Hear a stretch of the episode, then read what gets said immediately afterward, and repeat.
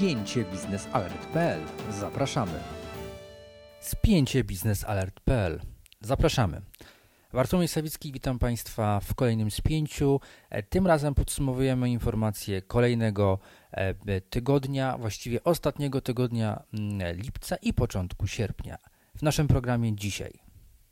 Europejski Bank Inwestycyjny planuje zakończyć finansowanie nowych projektów opartych na wszystkich paliwach kopalnych do końca 2020 roku, także gazowych. Co to oznacza dla Polski? Drugi temat. Sejm znowelizował w środę ustawę o cenach energii elektrycznej. Termin składania sprze sprzedawcom energii oświadczeń, aby ubiegać się o, te, o rekompensaty, został wydłużony do 14 sierpnia. Sąd Okręgowy w Poznaniu stwierdził nieważność uchwały Wolnego Zgromadzenia Enei z września ubiegłego roku w sprawie wyrażenia zgody na przystąpienie do etapu budowy projektu Ostrołęka C. Rozpoczynamy od tematu pierwszego, a więc Europejski Bank Inwestycyjny planuje zakończyć finansowanie nowych projektów opartych na paliwa gazowe do końca przyszłego roku. Plany te zostały zawarte w projekcie nowej unijnej strategii kredytowej właśnie dla tego banku. Ten bank w przyszłości, zgodnie z tym, co mówiła przewodnicząca Komisji Europejskiej Ursula von der Leyen, ma stać się w przyszłości czymś w rodzaju zielonego banku inwestycyjnego, e, który ma inwestować tylko i wyłącznie w odnawialne źródła energii. A to oznacza, że inwestycje już nie tylko węglowe, ale te gazowe będą nacenzurowane. I tak, tego typu projekty nie zostaną przedstawione do zatwierdzenia zarządowi Europejskiego Banku Inwestycyjnego po zakończeniu 2020 roku. Co to oznacza? Oznacza to, że każde projekty e, dotyczące paliw kopalnych nie będą mogły ubiegać się o współfinansowanie z tego banku. E, projekt e, tego dokumentu, tej strategii ma stanąć na Radzie Dyrektorów 10 września będzie dyskutowany y, ten projekt przez ministrów finansów e, krajów e, członkowskich. Na pewno będzie to bardzo ciekawa i burzliwa dyskusja. Paweł Brubel, szef i założyciel think tanku Gate Brussels, powiedział portalowi biznesalert.pl, że obecna dyskusja na temat instrumentów finansowania Europejskiego Banku Inwestycyjnego pokazuje, w którą stronę będzie zmierzać nowa polityka unijna w ramach nowego budżetu Unii Europejskiej i w ogóle pryncypiów Parlamentu Europejskiego i samej Komisji Europejskiej. Pokazuje to także, że nie ma odwrotu od dotychczasowej polityki e, klimatycznej, ale dla Polski oznacza to, że są jeszcze, e, jest jeszcze czas na finansowanie inwestycji gazowych, ale chodzi przede wszystkim o projekty infrastrukturalne. I tak, e, Paweł Wruber podkreślił, że obecnie największa szansa na wsparcie z e, Unii Europejskiej mają gazowe projekty mające status wspólnego zainteresowania, tzw. Tak, tak zwane PCI.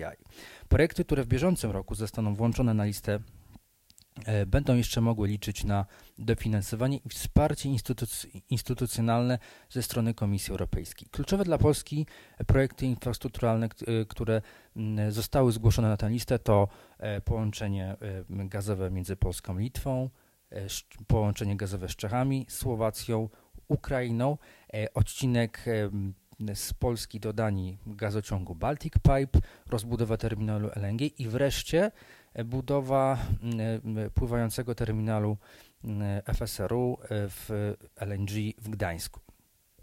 Ostateczna lista wybranych projektów PCI zostanie opublikowana jesienią tego roku i polskie inwestycje mają duże szanse, aby uzyskać akceptację komisji status e, projektu wspólnego zainteresowania, a to przełoży się na możliwość finansowania tych inwestycji z Europejskiego Banku. E, co innego jednak w przypadku e, bloków gazowych dla energetyki. Polska energetyka jest w czasie transformacji i wiele mówi się, że po węglu przyjdzie czas na ewolucję, a więc przejście na inne paliwo kopalne, mniej emisyjne, a więc na gaz.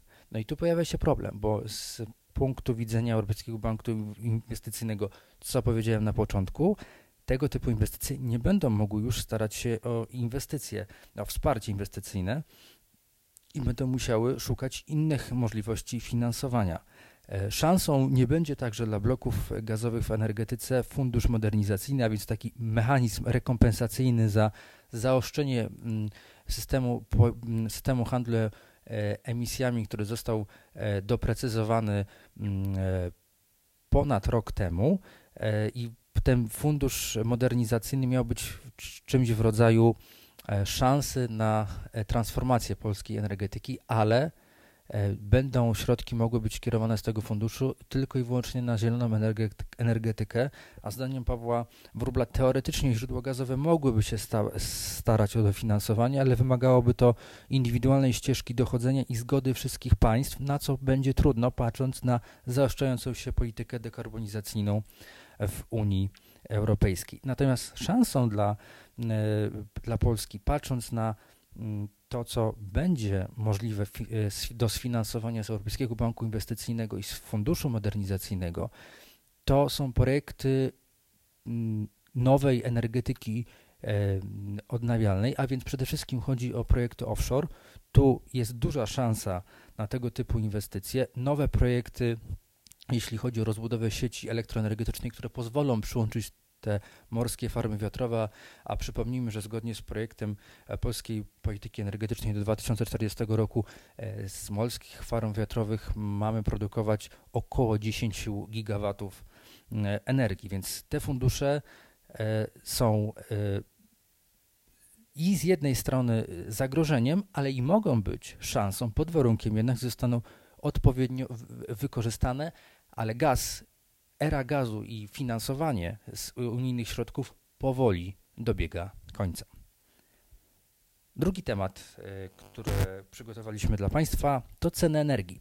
E, dosyć interesujący ten tydzień był pod względem cen energii, zaskakujący, bo e, wydawało się, że do poniedziałku 29 lipca wszyscy zainteresowani mikro i mali przedsiębiorcy, a także jednostki samorządu e, terytorialnego e, czy oddziały jednostek samorządu terytorialnego, takie jak na przykład szpitale, no musiały złożyć wnioski o rekompensaty dotyczące cen energii, aby płacić przez kolejne pół roku ceny mm, po stawkach z czerwca 2018 roku. Tego czasu było bardzo mało. Raptem po wejściu od rozporządzenia E, kilka, e, kilka dni mm, i tutaj pojawił się problem, czy wszyscy zdążą.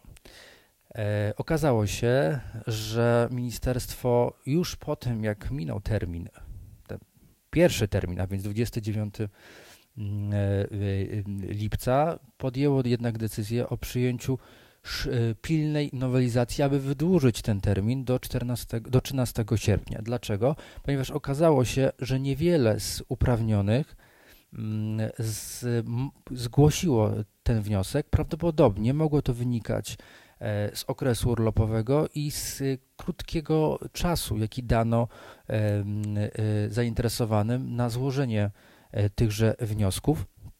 Mm, no i oczywiście y, to też się podkreśla w mediach, ze względu na e, kampanię informacyjną, która zdaniem niektórych była e, zbyt mało nagłośniona, jeśli chodzi o możliwość zgłaszania e, tych, tych wniosków. W efekcie wydłużono ten termin do 13 sierpnia i wszyscy zainteresowani, których, którzy chcą E, skorzystać z możliwości rekompensat. Pamiętajmy, co ważne, nie chodzi o nasze własne gospodarstwa domowe.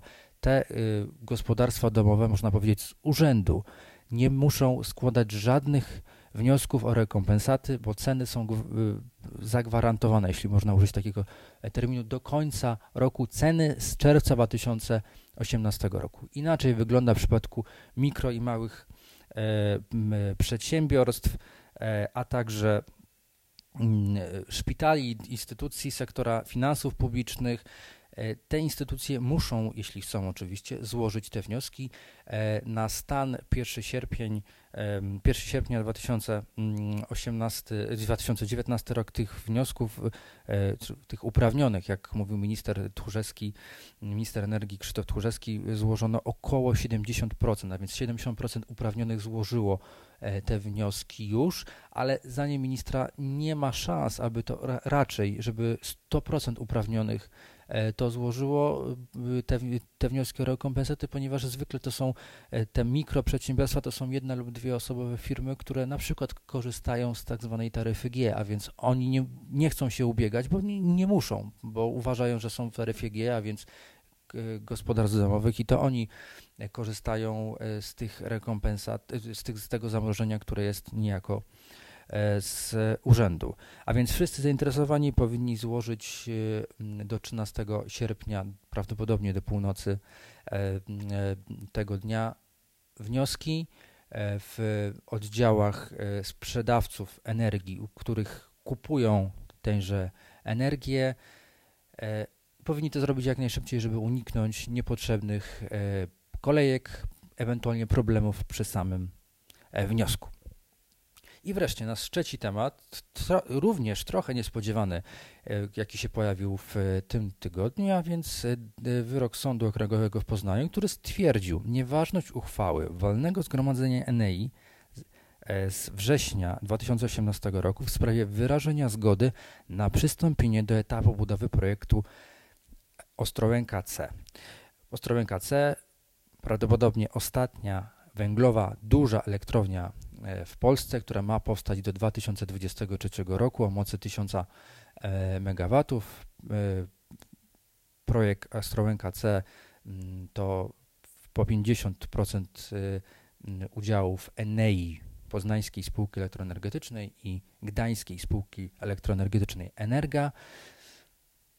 I te podmioty mm, miały zrealizować ten projekt, ale tutaj pojawia się y, decyzja sądu, który y, unieważnił decyzję walnego zgromadzenia, a y, pozew o stwierdzenie nieważności uchwały złożyła Fundacja Client Earth, prawnicy dla ziemi. Dlaczego akurat oni to złożyli? Ponieważ yy, yy, okazuje się, że Client Earth jest spółką, która jest fundacją, która jest jedną z akcjonariuszy Enei, a więc mieli do tego, do tego prawo i uczestniczyli oczywiście także w walnych zgromadzeniach e, spółki. Mm, I tak, e, Sąd Okręgowy uwzględnił powództwo w zakresie e, roszczenia głównego, a więc o stwierdzenie nieważności uchwały, gdzie wyrażono zgodę na e, uczestnictwo w, w projekcie Ostrołęka C i stwierdził nieważność tej uchwały.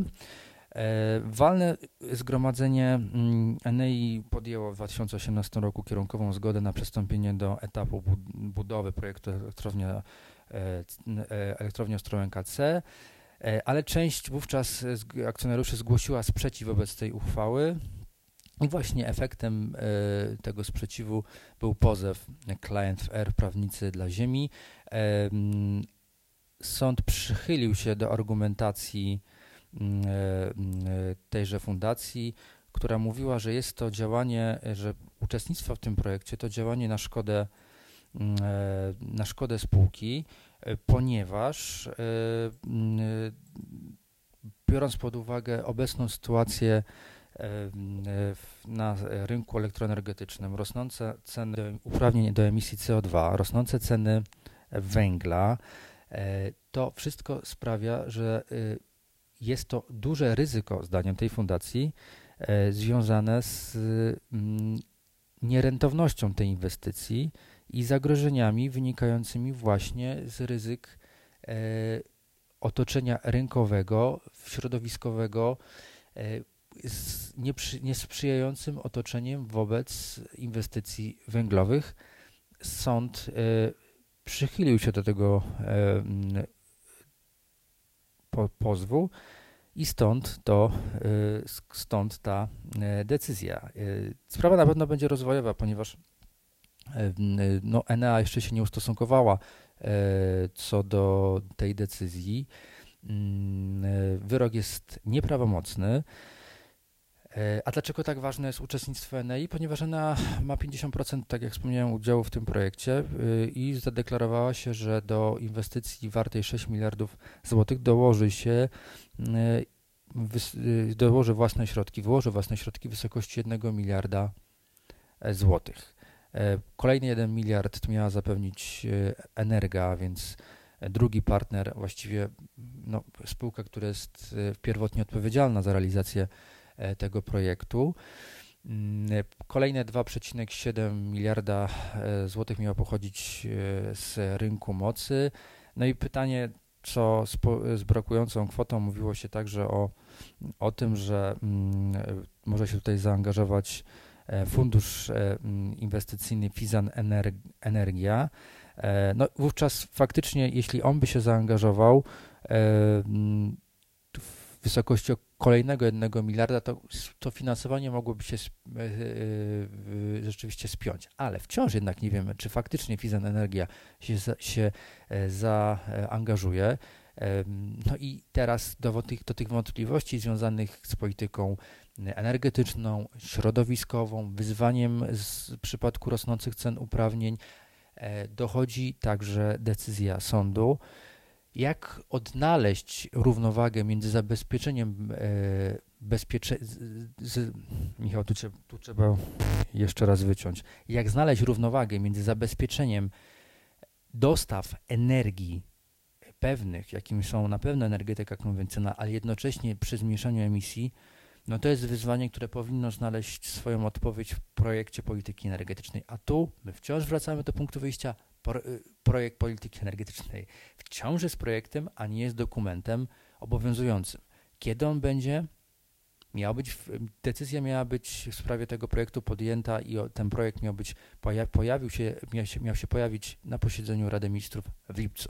Mamy sierpień, tak się nie stało. Czy uda się ten projekt przyjąć polityki energetycznej do 2040 roku jeszcze w tej kadencji Sejmu? To jest otwarte pytanie, które zostawiam, mm, e, e, które zostawiam go z Państwem. To by było na tyle. Bartłomiej Sawicki, Biznes Alert, spięcie. Dziękujemy i do usłyszenia.